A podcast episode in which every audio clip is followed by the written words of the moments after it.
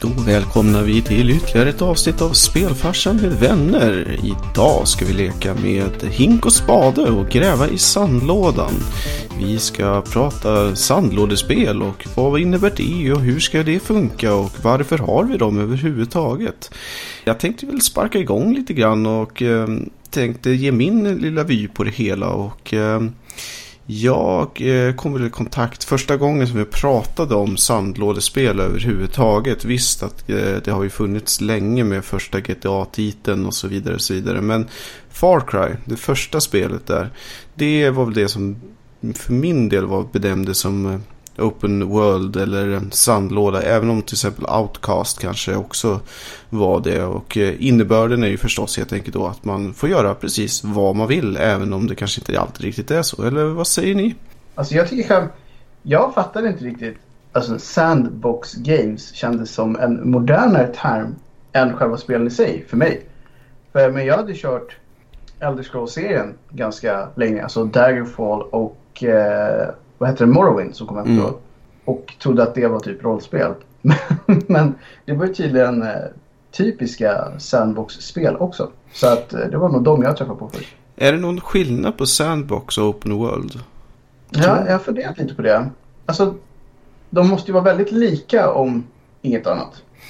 Ja, alltså som jag tycker eller förstår med det hela. Så open world, då är det en värld som är eh, ha, kan ha sina restriktioner och det är mer tanken att, liksom, att man följer man är ett med världen och lever världens eh, liksom, ja, regler och så vidare. och så vidare. Medan Open Sandbox-spel, det är mer att typ att du har en lekpark. Du har en, liksom en fyrkant med massor med spännande saker i och sen kan du bara flyga från norr till söder och så vidare och så vidare och bara göra vad du vill i den.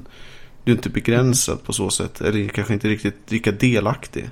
Så du behöver inte ha en story då eller? Nej, det är mer det, typ som Minecraft till exempel.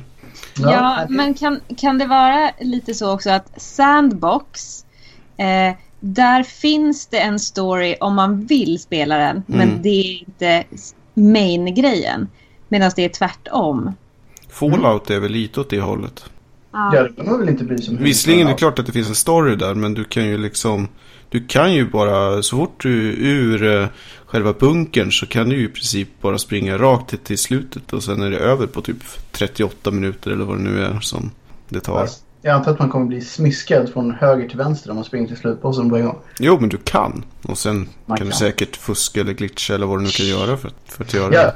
Men det låter väl ändå som en ganska vettig definition. Mm. Sen kanske det finns en officiell definition där ute som gör att vi är helt fel just nu. Men... Sam, samtidigt så sandlåda var väl det som kom först. Jag tänker på liksom att man säger att GTA är ett utmärkt, utmärkt sandlådespel. Där är väl mm. storyn med i allra högsta grad. Men å andra sidan så kan du ju också förstås göra väldigt mycket sidoaktiviteter.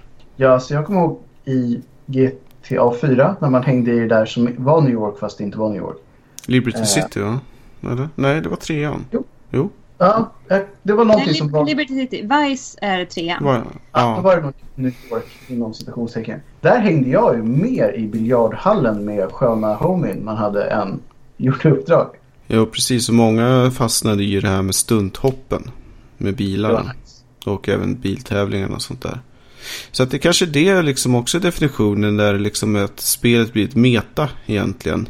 Och du är mm. så att då blir det ju nästan tvärtom att ett sandlådespel så är det mer att du är en del av världen än av storyn. Och så fort man kan fiska i de här spelen. mm, du, du. Då, mm. då blir det bra på riktigt. Har man kunnat fiska i GTA? Jag tror inte det va? Jag tror inte det. Alltså, senaste. Man borde ju kunna, man kan ju göra allting i GTA 5. Mm. Jag vet att man kunde hitta ett UFO på botten av någon havsdel i senaste GTA. Mm. Ja. Eh, borde man ju kunna fiska också tycker Men du jag. kunde ju jaga en hel del i, i GTA 5. Mm. Alltså, så att eh, ja, ett gott fiskespel det är alltid trevligt. Jag vet ju att du är en stor fan av Bassmaster-serien. Så att, Bassmaster. Mm, mm, det är fantastiska spel.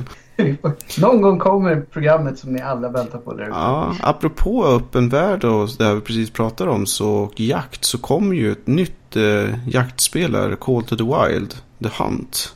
Mm. Det är väl Starbreeze va? Ja, det är det. Frågan är om det skulle kunna vara ett sandbox-spel. Det skulle väl kunna vara i allra högsta grad. Där är det ju verkligen att det, det finns ju inte en story knappt utan att du släpps lös med en hög sköna vapen och ska gå loss på naturen. Tänkte annars skulle man kunna göra som i äh, Jägarna. Att det liksom är, man åker hem till Norrland. Nu blir det lite konstigt för oss som inte är från Norrland då. Men man åker hem till Norrland och så får man en, en låda med vapen och sen får man gå ut och skjuta allting i skogen. Jag tänker mig att man, alltså en streaming session av uh, Call to the Wild är lite grann som Jan Guillou på jakt. Du ligger där på ett 1500 meters håll med ett stort jäkla vapen. Och sen så mm. pratar du om hur farligt och hur hjältemodigt det är att skjuta älg på så sätt. Ja, eller skjuta allt. Mm. De sköt det mesta som rörde sig och det var jägarinstinkten. Och sen gick man hem och rullade det i smör och åt upp det. Mm. Det var i alla fall det som de gjorde i det, i det programmet. Mm, det är ett fantastiskt program. Så då skulle man kunna få in ett sandbox-spel där man jagar och sen äter upp saker. Precis. Och då kan man sända det under Twitch-kanalen Social Eating. Någon ja. slags mix. Jag tänker att man sliter in uh, Onion Chopper från, uh, vad heter um, Pappa the Rapper. Just det. Vi kommer på så mycket bra idéer känner jag. Men jag tror ändå att utan att ha kört det här senaste vildmarksspelet så låter det ändå som att det skulle kunna vara faktiskt ett, ett sandbox-spel. Ja, så ja, att, det är det. Mm. Ja, men jag tror att, alltså gillar man det här med att bara glida runt i naturen. Jag kan tänka mig att om man var en fan av Firewatch och eh, dessutom har det här eh, Gotta catch syndromet. Då borde ju eh, Call to the Wild vara helt fantastiskt. Det här låter ju som ett spel för mig då. Mm, jag tänkte nästan det. Är det två som gillar det här med att jaga liksom? Jag har ju till och med hört att det kanske ska komma VR-stöd också. Så kan du verkligen ligga på pass hemma i lägenheten. Du riggar upp lite kuddar och sådär. Och en schysst pava vin eller någonting i den stilen. Och så, så ligger du där i ett par timmar och bara väntar på den där stora älgen ska komma. Pokémon VR. Oj, oj, oj. Mm -hmm. Man bara snurrar iväg ett klot och så bara och så missar man ju såklart för att det gör man alltid. Men känslan av att missa en Snorlax i VR. Mm. Ja. Den är nog värre än vad den är i AR. Mm. Men det är väl ja. verkligen open world om något? Ja, ja. det är det. För där kan ju inte säga att det är sandboxat. Nej, men det är ju verkligen den, den riktiga världen. Så den är väl så öppen som man vill att det ska vara. Mm. Ja, och man kan ju nästan inte göra någonting annat än att fånga Pokémons. Man kan hänga på gymmet, men vem vill göra det? Ja. Nej, men det gör man ju inte. Det gör man inte. Fast det är ju väldigt mycket av att man helt enkelt inte har introducerat några nya features också. Alltså begränsningarna ju, finns ju knappt. Du kan ju hitta på vad som helst egentligen. Mm. Ja, jag väntar fortfarande på att uh, man ska ta första riktiga AAA-titeln in i... Uh, alltså VR finns ju redan men augmented reality på något sätt. Men vi får väl se. Det måste göras på ett bra sätt. Men jag skulle kunna argumentera för att Resident Evil 7 är en riktig AAA-titel som gjorde VR på rätt sätt rent allmänt. Mm. Ja, det är ju, nästan alla är ju eniga om det. Så att där har vi ju verkligen det första som lyckades väl. Jag hörde rätt många argumentera för att tänk om jag hade kört det här utan VR. Gud vad besviken jag hade blivit om jag sen hade sett det i VR och insett att jag missade hur det borde upplevas och så vidare. Mm. Så det, det är ett ganska bra betyg. Det här blir ju bara dyrare och dyrare känner jag. Det är en livsstil mer än en hobby. Och speciellt om man ska leva med Master Race. Då är det ju liksom en 35-40 pannor upp liksom. Vad kostar en Vive nu för tiden? 8000. Och så ska du ha hårdvara för 25-30 till. Men, men, men. Det är som jag brukar säga, det drabbar ingen fattig. eh, ja, och om man drabbas så känner vi mer. Mm. Precis. Det borde finnas en fond för det här. Fattiga gamers. Så man kan ansöka gamers om pengar. Gamers in need. Ja, jag tänker något så här tramsigt EU-bidrag av något slag som man kan eh, koppla till det här. Något kulturutbyte eller någonting i den stilen. Det är inte omöjligt att det finns något sånt. Nej, det finns ju för allt annat så. Och om ni inte gör det så skäms. Skäms på er. Ja, om jag blir svinigt rik någon gång då ska jag starta en sån fond. Där mm. det ska vara så här äh, hemlösa före detta gamers som behöver en ny rigg. För gamers i tiden när mm. de inte har råd med en nya. Får man skriva sådana här sköna ja, brev om varför man ska få det här. Då. Jag tror vi, Linda, sa du vilket spel som du hade sett på förresten innan vi har gått ner oss i sidospåret helt? Min första titel var ju GTA 1. Mm, fantastiskt. Alltså, och jag kommer ihåg, vi spelade ju den, jag hade två kompisar och vi hade någon sån demo av den. Så vi fick spela, det var ju begränsad tid, jag tror att man fick spela typ två och en halv minut. Så att man satt ju bara där och väntade på att deras två och en halv minut skulle vara slut så att det var min tur att spela mina två och en halv minut. Två och en halv minut, det låter väldigt, väldigt snart men det kanske inte... Mm, ja, men jag tror att det var något sånt. Det kan ha varit mm. längre men det, det kändes väldigt kort. När man väl alltså, spelade.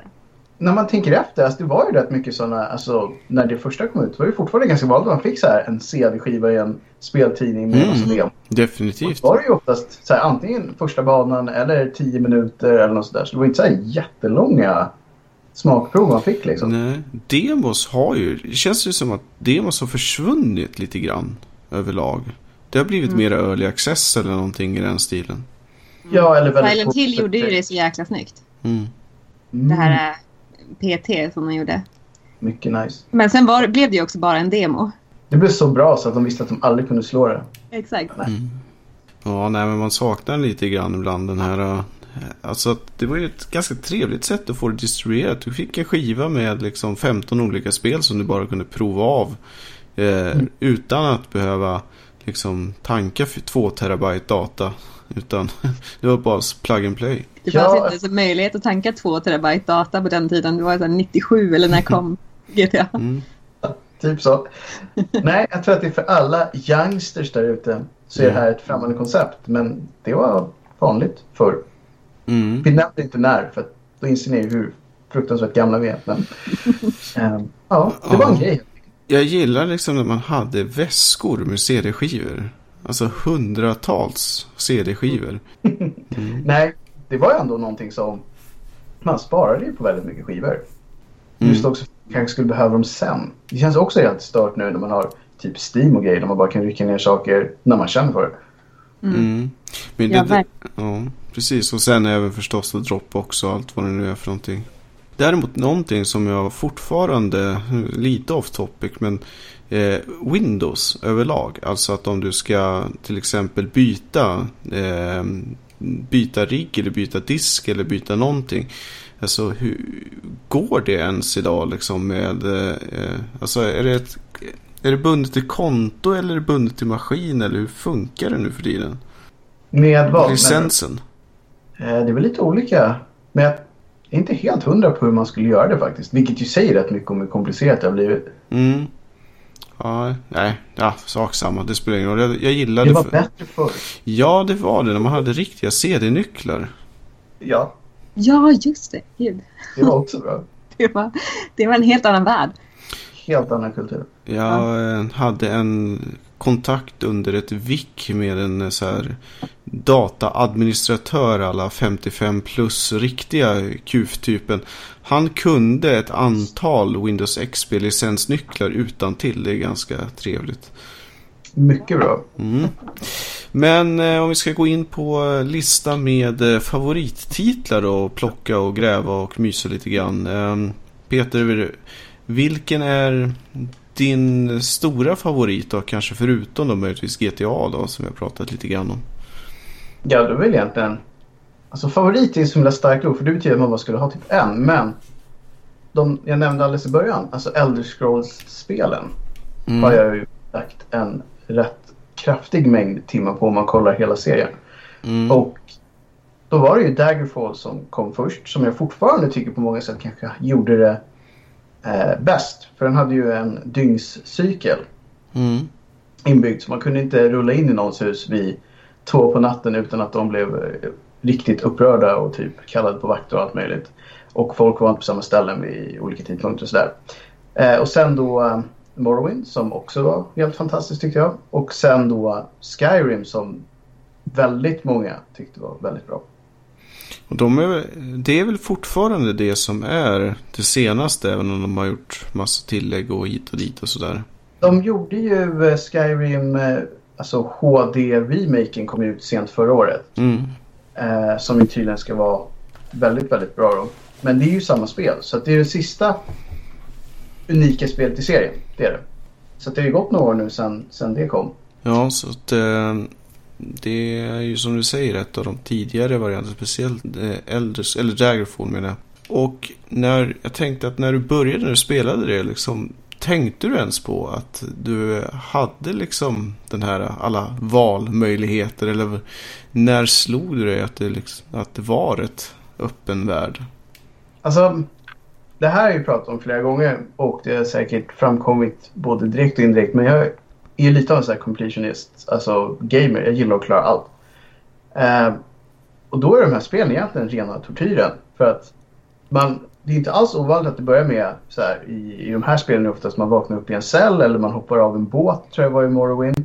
Eller ett tåg. Och, ja precis, eller ett tåg i vissa spel. Men oftast kan det vara så att det är det man gör. Så har man typ ett brev. Eh, hitta den här snubben i den här byn så kommer han säga någonting. Mm. Och sen kan du gå dit och göra det eller så gör du inte det alls. Mm. Och då, då kommer det börja liksom dyka upp eh, i Elder Scrolls-serien så är det ju så att då dyker det upp liksom dussintals grejer på kartan och du träffar på folk som ger dig uppdrag och innan du vet ordet av så har du 40 uppdrag som inte alls har att göra med någon typ av huvuduppdrag. Och eh, är man då mig så måste man klara allt.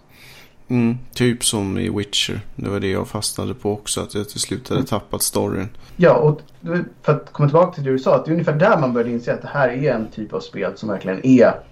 Eh, det är upp till dig vad du vill göra och det är upp till dig när du vill göra det. Men det är lite som ett så här garnnystan. Drar man någonstans och bara rasar ut saker. Jag tyckte att man hade lite slänger av det här redan i Final Fantasy 6. Där man liksom, mm. när man väl kom ut på den stora kartan. Eller speciellt när man fick tag i luftskeppet. Ja, åtminstone hade de ju fått till illusionen av att man mm. kunde göra vad som helst. Precis. Eh, man kunde ju roama runt och köra liksom random battles hur länge man ville. Men det var ju ändå en skriptad story mm. delvis ändå.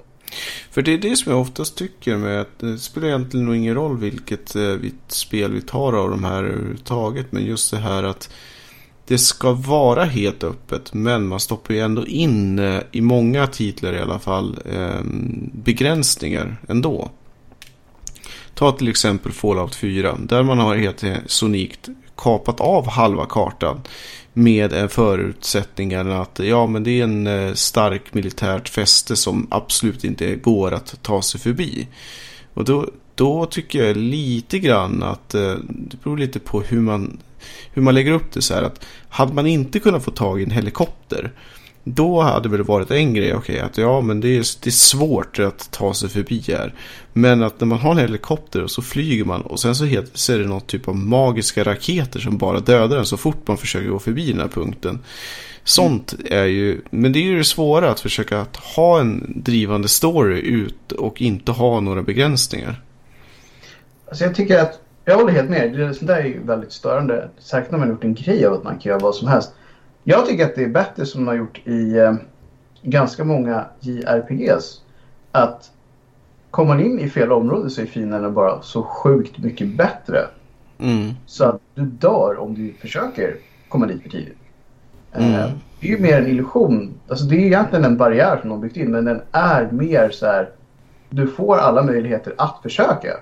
Men du kommer antagligen inte klara det så du kommer antagligen komma tillbaka dit senare. Då blir det inte lika uppenbart att de bara inte vill att du ska dit.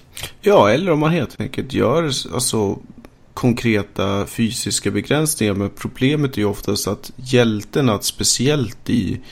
Ja, det spelar egentligen ingen roll om det är FPS eller om det är eh, alltså, skjutvapen eller om det är milevapen eller vad det är. Att man har en mm. tendens att ge den en massa coola grejer, speciellt i som Far Cry-serien. Så att man det är svårt att sätta upp sådana begränsningar för att AI är ganska dum och sådär. Det hade varit en sak om man hade en riktigt klantig och dum hjälte egentligen.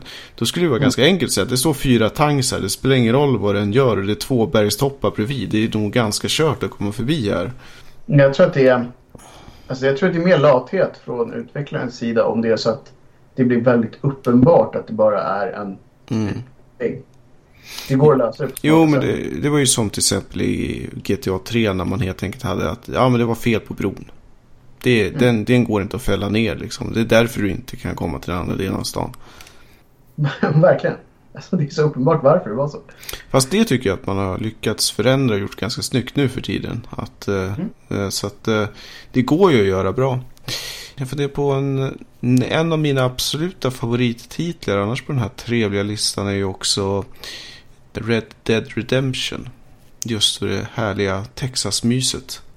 Och där har de ju faktiskt ganska nyligen sagt att de jobbar på uppföljare. Red Dead mm. 2 ja. Man vet inte så mycket om det ännu va? Nej, jag tror de gjorde en sån här schysst bild bara. Så mm. alla sa, ah shit det är ju samma stil som, så ja det är det. Exakt. Och så ser det lite ut som de här tre, vad heter de? John i alla fall och så mm. eh, Williamson och sen The Dutch. Men som jag minns det, nu var det för sig alltså runt 2010 som mm, det här. Eh, men dog inte huvudpersonen i slutet när de stormade hans cabin och så var det sonen som överlevde? Jo. Exakt. Och sen fick ju sonen hämnden där. Mm, just det. Så det kanske det var, ju, det var ju ett jättetragiskt slut tycker jag. Det var ju det. Eh, jag tror i alla fall att det är en serie som väldigt, väldigt många som aldrig har spelat den här typen av spel förut plockade upp. Um, jag känner rätt mycket folk som inte hade kört den här genren överhuvudtaget som spelade just Red Dead Redemption för att det var vilda västern. Mm.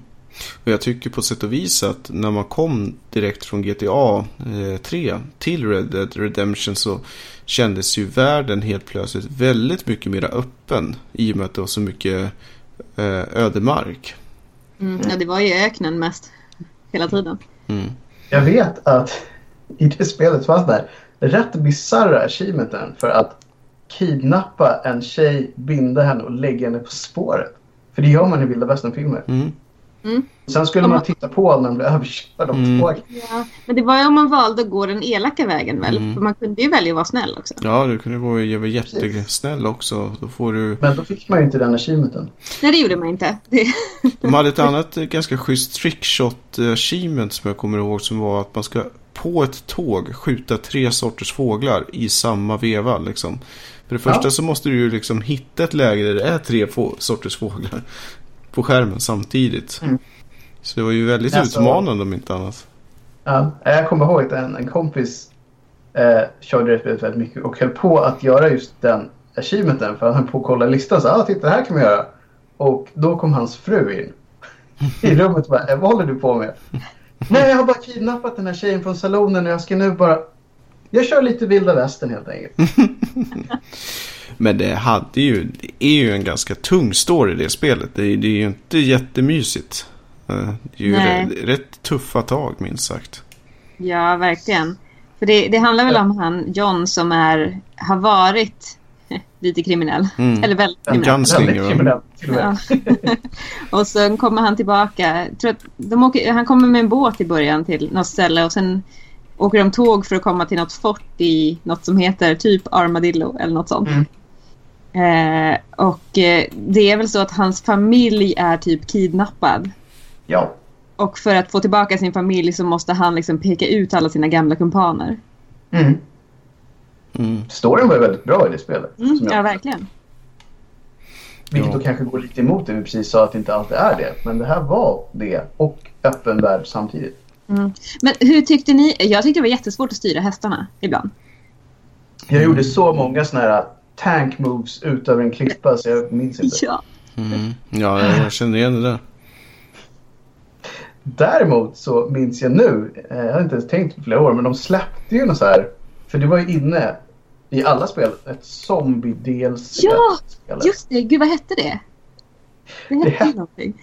Det hette någonting med någon sån här skräckgrej. och då red man runt i olika städer och typ bekämpade zombies, har jag för mig. Ja. Gud. ja, just det. känns det. verkligen som en, en kassako som de, som de tejpade fast i typ alla AAA-titlar ungefär vid den tiden. Ja, det är konstigt att de har tagit så lång tid på sig att göra den här uppföljaren dock. Ja, verkligen. Ja, nu har inte jag jättekoll på om det är samma studio som gjorde Red Dead eh, som dessutom gjorde eh, ja, deras andra spel eller om det är en egen studio. Eh, på samma sätt som LA Noir till exempel är samma ägare fast det var ju en studio som låg i Australien. det var väldigt rolig historia runt ägaren av den där studion. Alltså, fy fasen vad hatad han var. det verkar ju varit rena slavdriveriet i stort sett. Alltså han verkar ju vara som, eh, vad heter han som gjorde Black and White? Eller? Molino? Ja, alltså lite sådana tendenser ihop med någon sån här riktig jäkla översittarfasoner och liksom... Ja, nej. De fick ju inte betalt på liksom alla möjliga sätt och var tvungna att jobba dygnet runt och hade en crunch time som var helt Plus att han liksom fysiskt gick runt och hotade folk. Liksom på jobbet. Mm. Jag, jag kommer ihåg att det kom fram väldigt mycket dirt om den studion efteråt som det spelet hade kommit ut. Ja. Vad Eh, tråkigt eller att höra. Mm. Alltså det var inget fel på studion, det var ju han som var problemet egentligen. Ja, Men men det var hans studio jag på att säga. Eh, han var chef där. ja, och det bästa, jag läste i någon så här, om det var på Reddit, hans kommentar till det hela. Han var ja men liksom, ska man, ska man göra sånt här ett mästerverk, då måste man hålla folk kort. Det går inte annars. Å Ja. andra sidan så har han inget jobb längre.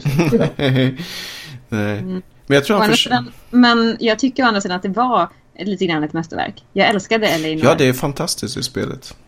Jag gjorde ju misstaget efter att ha kört ehm, eh, deras andra spel där man kan bli påkommen med att bryta lagen. Så körde jag liksom sansat. För Nu. insåg att man kunde köra exakt hur man ville. Ja. Så mycket tid hade jag kunnat tjäna på det säger jag bara. Ja, Det är synd, alltså jag hoppas faktiskt att de gör en uppföljare. Men eh, alltså har förstås en ny studio och lite, eller för nytt folk och så då. Därför att Jag det skulle... minns inte alls hur det spelet slutade. Jag, kommer ni ihåg det? Oh. Eh. Det var, för visst var det lite valbart vart man hamnade till slut? Mm. Man kunde Ja. välja att stanna i... Nej, jag kommer inte riktigt ihåg. Nej, jag kom på det nu. Jag minns en massa så här, specifika saker med det. Mm. Eh, men inte själva slutet. Var, var målet att man skulle bli eh, homicide detective? Nej, det var det inte. Man var ju det redan från början. Nej, från början var man väl bara någon sån här uh, nyutexad polis typ. Just det, man hade ju någon annan snubbe som man följde med. Ja, Eh, just det, så det, har- det har du helt rätt i. Nej men det kanske var så att man bara skulle bli liksom fullt godkänd kriminalare eller vad man ska säga. Ja precis. För man gick igenom lite olika. Man kunde ju bli sen traffic polis och eh, Mm. typ homicide detective och arson detective och sådär. Precis. Eh, jag minns att de hade ju ett del DLC-grejer också som var extra fall och sådana där grejer som var rätt häftigt också. Ja, det var ju ett perfekt upplägg för att ha sådana extra, extra fall. För det var ju verkligen... Det var ju uppdelat i väldigt mycket små delar eftersom att man löste ju fallen eh, Mm. Från fall till fall. Och sen så blev man ju betygsatt för hur det gick och sådär. Och sen så insåg man att man gjort helt fel så körde man om det och så svarade man rätt på allt och så fick man maxpoäng. Men Av det en var, just, man kunde ju anklaga folk för att ha mördat eh, gjorde jag alltid. vem som helst liksom. Det var det första. You did this! Så blev alla skitsur.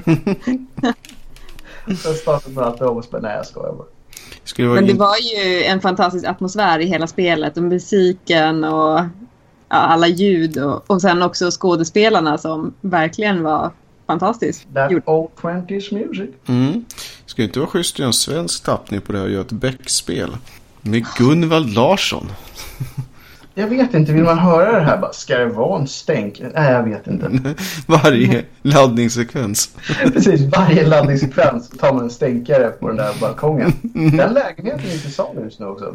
Är den? Ja. Åh fasen, vad Så går om den man för på då? allvar vill ta sig en stänkare på stänkarebalkongen så kan man alltså göra det. Om man köper den. Alltså undrar hur många hundratusen extra bara det där kommer att dra upp det. Alltså jag tänker också här, i alla de filmerna, alltså har de slutat med den serien? Det här är ju väldigt sidospår, men om inte så får man väl räkna med att de kommer kunna dyka upp och vilja spela in saker med Det känns ju som att den är rätt över. Gunvald är ju död i alla fall. Ja. Jo, men det kom in den där borstiga snubben från Game of Thrones istället ju. Jo, precis. Ja, Just det. man ska aldrig säga aldrig. Jag vet ju att eh, när de sålde Blondinbellas eh, lägenhet så gick ju den för typ en halv mille extra bara för att det var en kändis som hade bott där. Jag skulle dragit av en halv miljon. det. Ja. Mm. Jag hade nästan skämt för att säga så här, gud jag bor i Blondinbella, ska Mm. I alla fall om man påkommer med att det var en anledning till att man köpte det. ja. Men det är bara en person som har en blogg. Yeah. Nej. Bara du kommer ihåg det där snaskiga trippelmordet som hände? Ja, det var här i hörnet. Det är ju coolare. Mm -hmm. Ja, L.A. Noir. Det var bra, men vi gillade inte hur det gjordes. Är vi det vi kom fram till, eller? Ja, och, och att vi inte riktigt vet hur det slutade. Jag kollade Nej, upp det lite snabbt här och det verkar vara som uh, att det slutar med att Cole and Kelso solved the case and they're just about to go home and Cole just bites the dust. What? Va? Nej. Det, blev, det var jätte, massa tråkiga nyheter nu. Mm. Varför kommer man inte ihåg det för? Ja. Det var för jobbigt helt enkelt. Man, man förträngde det. Ja. Det var tydligen väldigt kort också. Slutet. Ja. Det var ju inte ett jättelångt spel heller för att jämföras med de här andra. Nej. Så var det ju ändå, även fast man kunde åka runt i stan ganska frisk så var det ju inte alls, det var ju inte ett, ehm, ett Elder Scrolls-spel på något sätt. Jag skulle inte säga, det var inte ens Red Dead Redemption långt eller Grand Theft Auto långt. Nej, nej, nej det var nej, en tredjedel eller någonting på den mm. nivån. Verkligen. Men jag tror det var det som gjorde det spelet så bra också för det var relativt tight för att vara den typen av spel. Mm. Mm. Ja, men jag tyckte att alla case kändes också ganska unika och alla var mm. liksom bra. Ja, nej. Gillar det skarpt. Det är inte som i GTA där vissa uppdrag man får känns lite så här. Eh, nej, varför ska jag göra det här? Ja, eller som i senaste liret där man ska stå och eh, köra, hämta upp bilar som står felparkerade. Det är ju bland det mest hjärndöda, tråkiga minispel som någonsin har gjorts. Jag hade kunnat tänka mig att göra det in real life, men inte... det. I VR kanske. Det är roligare i riktiga livet. Gör spel. Jo, men vi har ju pratat om den här trucksimulatorn sen. Mm. Så mycket roligare det låter faktiskt. Köra en... Jag åker hellre en imaginär Volvo-truck till Düsseldorf. Alltså jag gör ju det alla dagar. Det är ett fantastiskt spel. Mm. Ingen får säga något annat. Nej. Jag tror vi alla höll med om hur bra det var. Också. Ja, ja, absolut. Men jag tänkte mer i och för sig i det här fallet på gaffeltruck. Jag tänkte så här, köra en virtuell dag på lagret. Och bara lasta pallar. Jag minns att i Battlefield 3 så kunde man joinka en gaffeltruck på en mm. bana och go haywire. Jag har aldrig förnedrat någon så mycket som när jag smög mig på den med gaffeltrycket. och när de vände sig om så körde jag över Det låter ju rätt fantastiskt alltså. Japp, jag fick arga meddelanden efteråt kan jag säga. Mm, det är lite grann som att kniva någon fast på en högre nivå. Ja, det är ju inte okej. Okay. Men hur kommer man liksom dagen efter vid, vid kaffeautomaten så bara, igår. Blev, blev överraskad av en gaffeltruck alltså. Jag vet inte var den kom ifrån. Mm. Jag, jag har ju cyklat in i en så här uh, båttrailer en gång. Jag satt uh, cyklade upp för gatan, pratade med en kompis. Såg mig inte före körde rakt in i en trailer. Den är svårförklarad också. Ja, jag vet inte riktigt hur som helst. Men där låg jag, i trailern. I trailern? Ja, jag flög över styret och landade i den.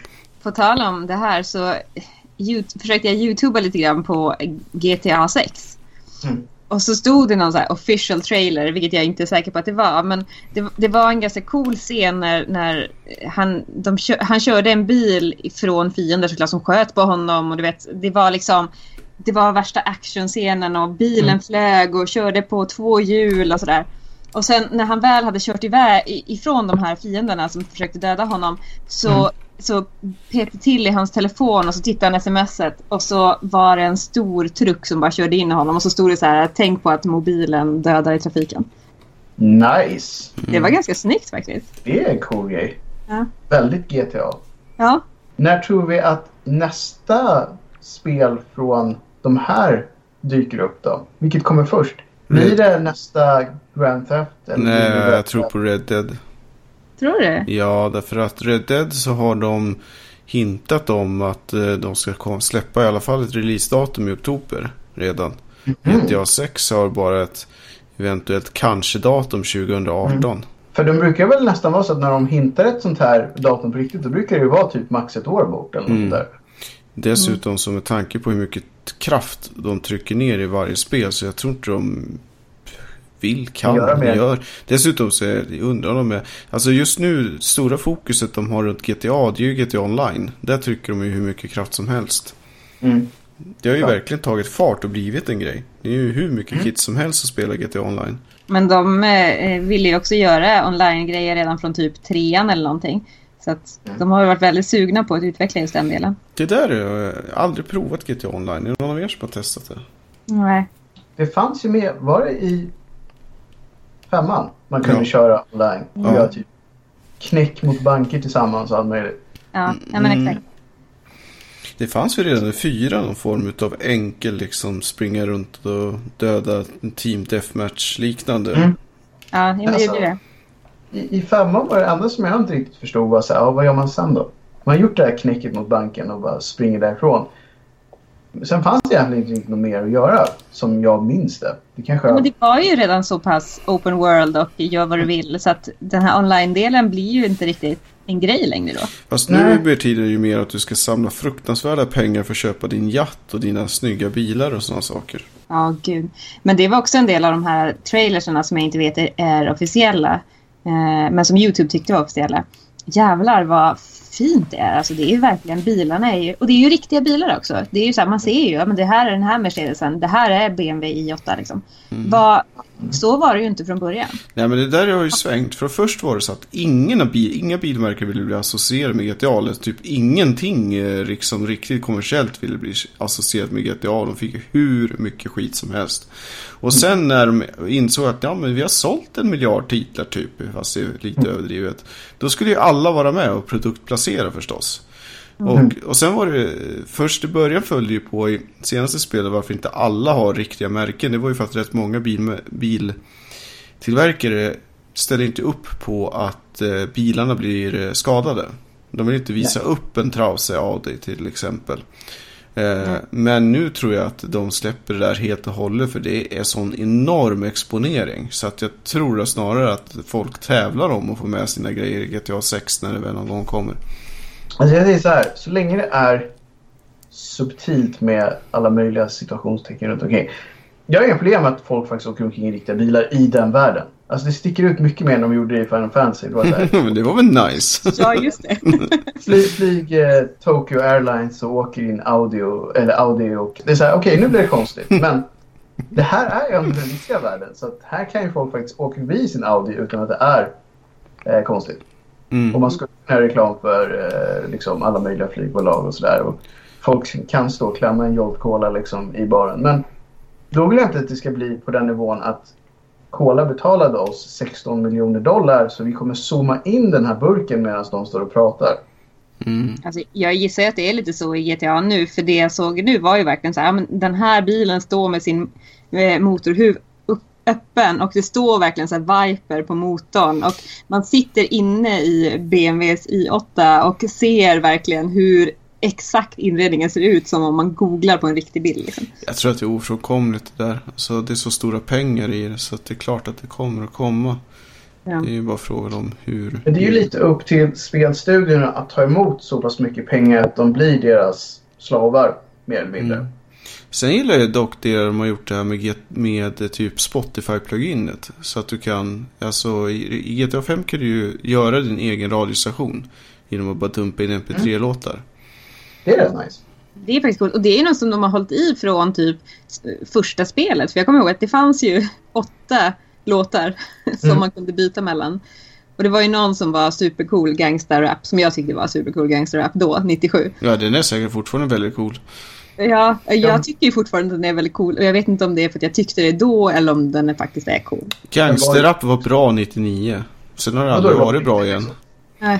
Jag vet att det fanns en countrykanal i eh, Ja. fyran.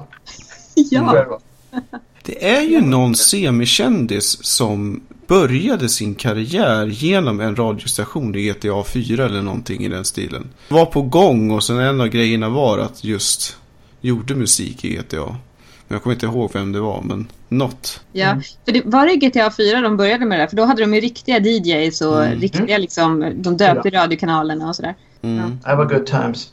Om man ska plocka lite mer från den här listan, för nu har vi ju snurrat runt de här spelen ett, ett bra tag. Var det någon av er som har kört Daisy? Jag har bara hört två kompisar diskutera det här väldigt mycket.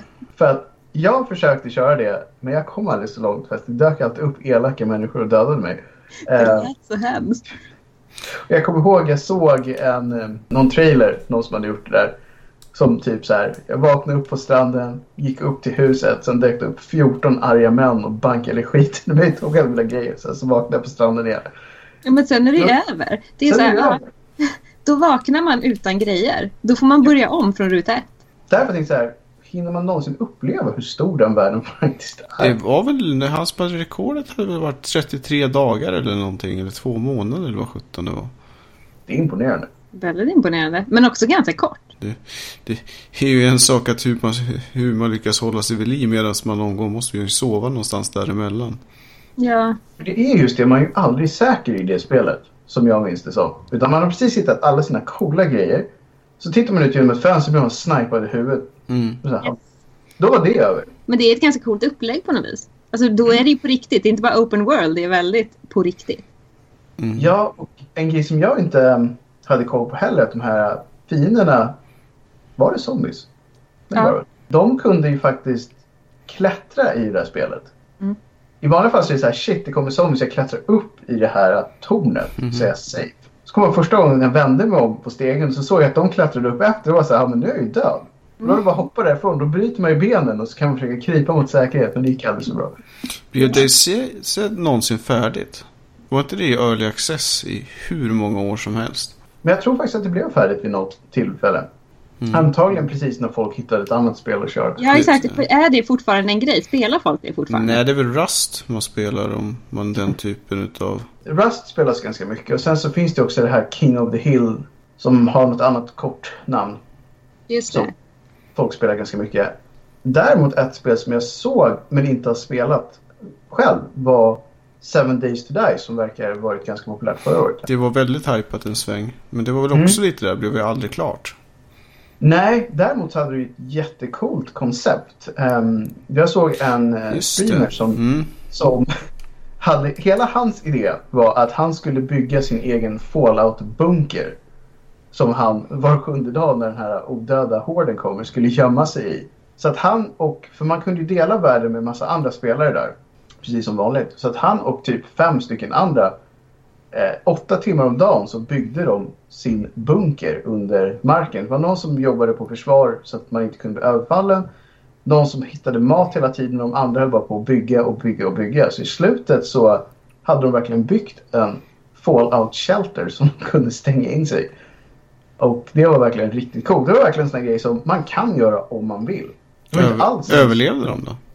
De överlevde. Mm. Var, det liksom, var det det man skulle göra? Nej, det, det, det är ju mer så att var sjunde dag så var du än är någonstans så kommer den här zombiehorden att dyka upp och försöka döda dig. Och sen mm. måste du hålla ut under hela natten. Och då kom de ju på att det bästa sättet att göra det, det är ju under mark. Liksom. För att mm. de här kan ju inte gräva sig in. Det kan de, de kunde gräva. Det visste de inte från början. Men det, det är betydligt svårare för dem att gräva sig ner i någonting än att bara sparka in en vägg eller en dörr. Vilket de gjorde ganska enkelt. Så att de byggde verkligen en enorm shelter. Det var långt ner. Och de gjorde liksom bästa sortens concrete så att det skulle vara svårt att komma in. Och sen hade de ett safe room där det var liksom järndörrar och vapen och liksom hur mycket mat som helst. Och sen hade de minerat, jag vet inte hur stort område runt omkring ingången och bamboo sticks och allt möjligt. Så det var verkligen så här Fort Knox och sen ett litet shelter under. Och så men tänker man, de... men but why liksom? Just för att de kunde. Mm.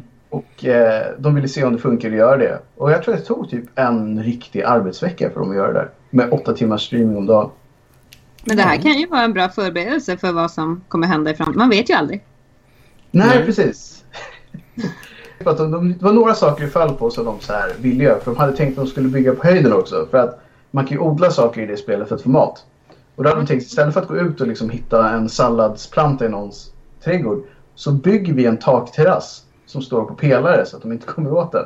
Men det hade de inte, den fismotorn funkar inte för det så allting bara rasade. Men det var liksom så här, de försökte verkligen göra saker som inte stod någonting om genom att man kunde bygga så mycket olika saker.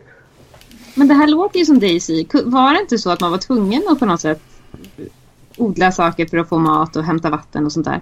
Jo, det, det brukar ju vara ganska vanligt alla de där uh, open world zombie-spelen att man måste... Survival-bitarna. Ja, precis. Man alltid måste antingen hitta vapen eller craft så det tror jag det är väl bara för att det skulle bli ännu svårare. Apropå den här typen av spel, var någon av er som spelade Stranded? Mm. Det var ju också lite spännande även om det blev väldigt trist till sist. Mm. Men det var, gick ut på att man skulle, man hamnade ju på en öde ö liksom. Och så skulle man Överleva. Ja, och så bygga en flotte. Ja, och det, Samma sak i ett spel som jag trodde handlade om det, men sen så verkar det som det faktiskt fanns en story. Det är ju The Forest. Just. Där det också är så att man kan bygga sitt lilla läger, man vässar ett spjut ut och jagar saker. Så kommer alltid zombies som ska äta upp en. Men vad är de här, alltid de här zombiesarna egentligen? Man kunde varit vampyrer istället. Men det kunde egentligen vara vad som helst. Jag förstår faktiskt inte. Jag håller verkligen med. Varför är det fortfarande bara zombies? Ja, jag tänker mig så här. Elaka smålänningar. Med stora högafflar. Eller Göteborg. Men du! Var är Glenn? Nu kommer jag in och kläppar till ordentligt och sådär. Ja. Det hade kunnat funka. Jag tycker vi ska försöka dra igång en petition om att få en sån mod till, till Daisy. Precis. Västra Frölunda-modden. Bara folk i Sverige förstår varför, men ack så läskigt. No. Men det var väl en liknande grej de gjorde med, med Resident Evil 4. Då var det ju en liten crossover mellan zombies och typ, var var de? I Spanien? Nej, ja. någon, i något spanskt land i alla fall. Mm. Precis. Jag tror att det är det någon måste, någon måste våga göra i Göteborg. Liksom. Mm. Lite. Ja. Det finns ju redan varianter till exempel så finns ju År 0 och MUTANT som utspelar sig i Stockholm. Mm. Men det är ju mera pappers, mer seriös not så att säga.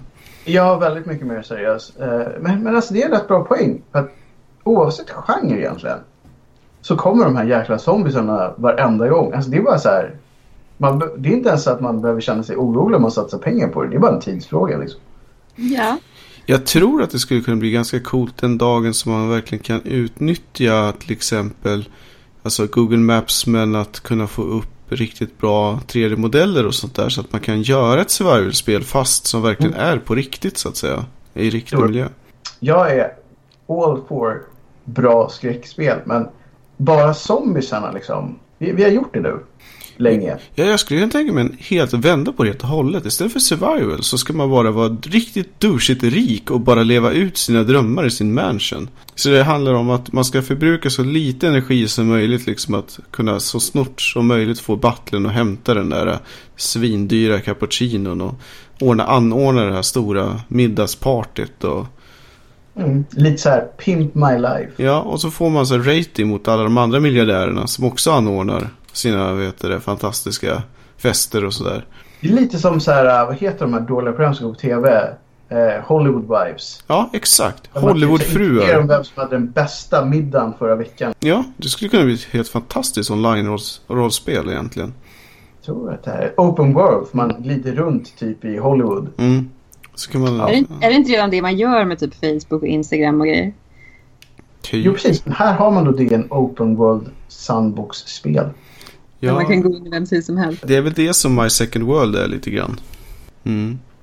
Men det finns ju många varianter att spinna det. Men det, det, jag tycker ibland att det blir lite så att man fastnar väldigt mycket i samma hjulspår. Att antingen det är bara zombies. Eller så är det bara ett getto. Eller så är det bara det ena eller andra. Liksom att måste ju kunna vara lite nytänkande någon gång också. Det finns ju så väldigt många varianter.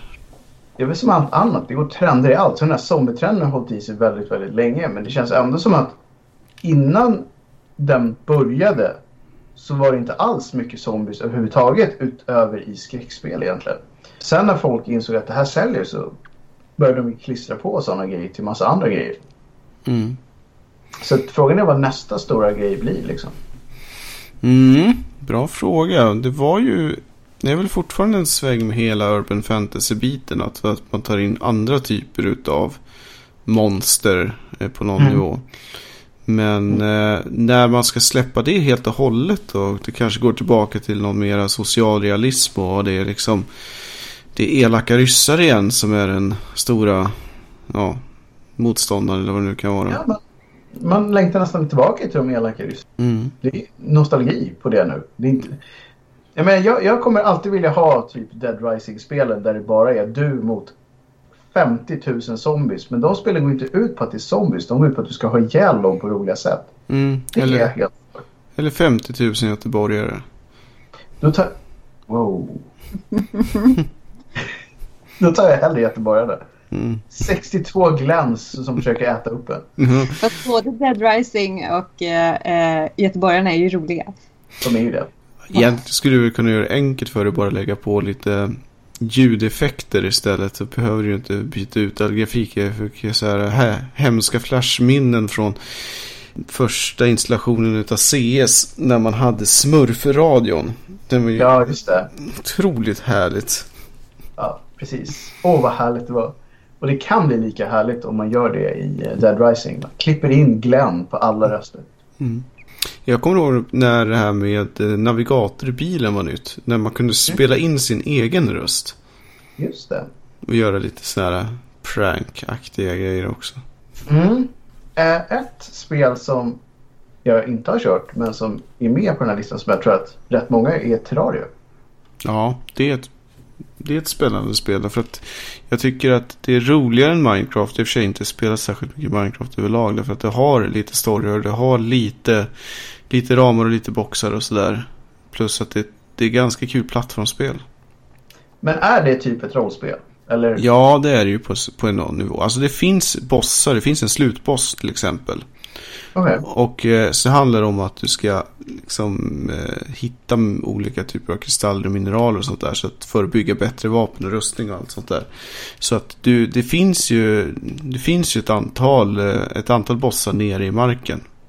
Som du kan liksom träffa och du, du har ju hjärtan alla Zelda-stil och liksom sådär. Så absolut. Så det är, det är verkligen, men det är ett spel som, alltså när man då har klarat slutbossen är det, antar jag då, att man kan fortsätta bygga på sitt hus om man känner för det. Mm, ja, det finns ju så här ett free roaming-läge.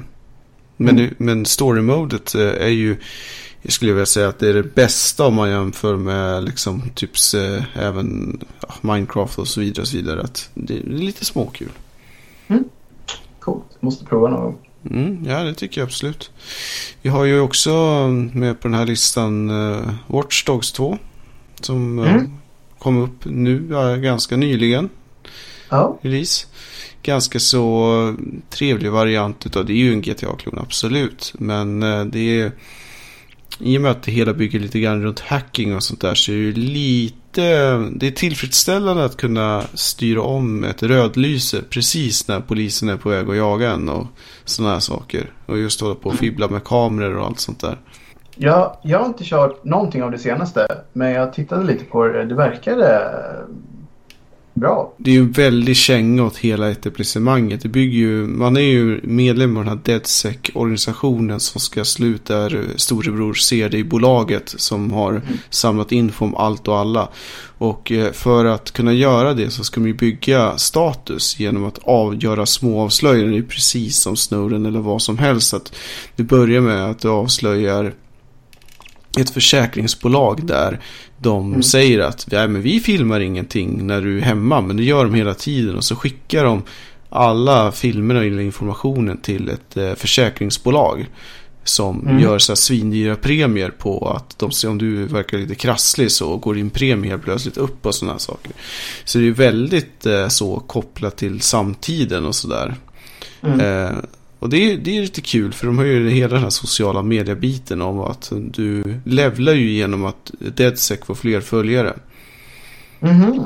Plus att de har ett rätt trevligt eh, karaktärsgalleri och lite så. Dock har ju det samma lilla issue som många av de andra. Att när du väl kommer loss och öppnar kartan så är det 42 000 olika ikoner med saker du kan göra.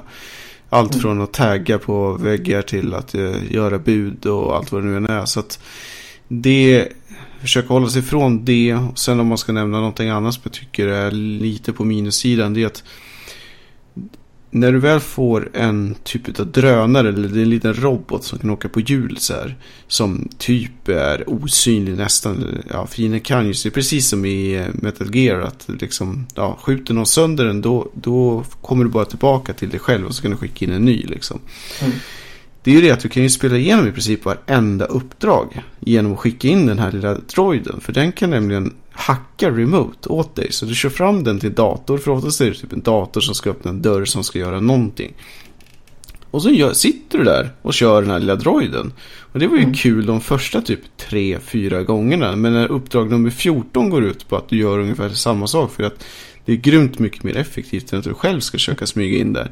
Då blir det ju lite sådär va. Men ja, håller man sig undan det där så är det ett, det är ett jäkligt bra spel rent storymässigt. Mm. Men det, det känns som att vi ändå har delat upp de här spelen som alla är i samma genre till de som har en tight och bra story i alla fall. Mm. Och de som bara svämmar över med grejer man kan göra istället. Där det kanske är upp till spelaren att skapa sin egen story liksom. Mm. Jag tycker tyvärr att Metal Gear Solid 5 tillhör den ja. biten. Jag håller med. Det, det kändes som att de förlorade lite sig själva där sista gången. Ja, ja alltså för att nu är det ett helt eget program. Men för mig så är Metal Gear att man är, man är typ en James Bond-liknande agent. Man kommer in, man har en stor bas som man ska infiltrera och det är tajta korridorer och det är verkligen liksom smygande genom att man gömmer sig i lådor och allt sånt där. Det är inte att man har en hel öppen savann i, eh, ja, eller eh, ökenlandskap då förstås i, eh, i Kazakstan eller liknande. Och du liksom sitter och, nej, nej, usch, fy. Hade det hetat någonting annat hade det kunnat bli ett bra spel. Men ett Metal Gear-spel, mm, nej. Det skulle lika gärna kunna heta ett Far Cry 6 liksom. Men, men, vi börjar närma oss slutet av uh, dagens uh, sittning. Samråde. Mm. Så är det frågan om som vi ska hänga spadarna på väggen direkt eller om vi ska prata något ytterligare härlig titel vi har missat. Jag skulle vilja säga lite snabbt eftersom ja. att det här programmet gick så snabbt. Att jag tittade eh, på ett speedrun av Zelda, det gamla SNES Link to the Past. Mm. Oh. Och det var ju på typ en och en halv timme. Är det är 100% eller any procent eller utan glitchar eller vilken, vilken det var, variant? Det var i alla fall så här verified not cheating. Men sen mm. vet jag inte i mm. övrigt. Men fortfarande så en och en halv timme. Det är ju längre tid än vad det tog för mig att typ hitta prinsessan i första cellen. Där hon sitter mm. i. Men de har ju definitivt kört det spelet tidigare. Det såg man när man tittade på det för han visste ju exakt vart han skulle gå för att undvika alla, eh, alla fiender. Mm. Ja, Men där har vi väl ändå free roaming? Eller? Ska ja, vi... absolut. Det är öppen. Jag mm. tycker att det är definitivt öppen värld. Speciellt om man tittar på att om man eh, bryter sig ur metat lite grann och eh, lite så här, inte fusk, men du kan ju göra vissa grejer. Så där kan du ju välja lite grann i mörka världen till exempel. Vilka varianter du gör först. Till exempel kan du ju få det röda svärdet väldigt tidigt. Genom att ta tempel 4 ganska omgående. Mm. Ja. Först hammaren och sen direkt till eh, tempel 4 för att få handskarna och så vidare. Mm. Den mörka världen som jag minns jag refererar till som höstvärlden. För mm. det kändes lite höstigt. Sen inser jag ju när jag spelat det senare att det är, allting är bara ruttet. Så det är därför. Som på höst. Mm, för, ja, det kanske stämmer. Om man vill se någonting roligt så kan man söka på Link to the Past Reverse Boss Order.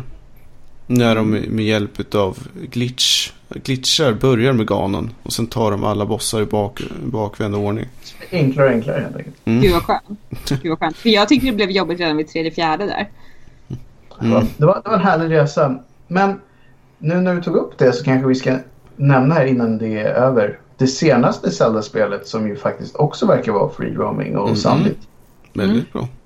Som, är det ute nu eller kommer det precis ut nu? Det har, kom, det har väl kommit ut precis nu? Ja, det skulle väl komma i samband med Switch va? Mm. Ja, alltså jag tror att recensionsexen är ute nu. Ja, och det verkar ha fått helt magiska recensioner av många. Och verkar vara enormt stort. Mm. Jag ser framför mig själv i så fall imorgon natt en stor påse av icke existerande, ja, något trevligt material och sen så blir det nog en Let's Play. Det låter som bra underhållning. Mm -mm. Kanske på söndag när det är ostkrokens dag. Mm. Just det, värt att nämna. Har inget med spel att göra men ostkrokens dag förtjänar uppmärksamhet. ja. Mm. Ja, men då tycker jag att vi säger då tack och adjö för idag då helt enkelt och på återhörande. Mm. Hej hej! Hej! I nästa veckas avsnitt pratar vi Zelda på återhörande då. Tack och hej!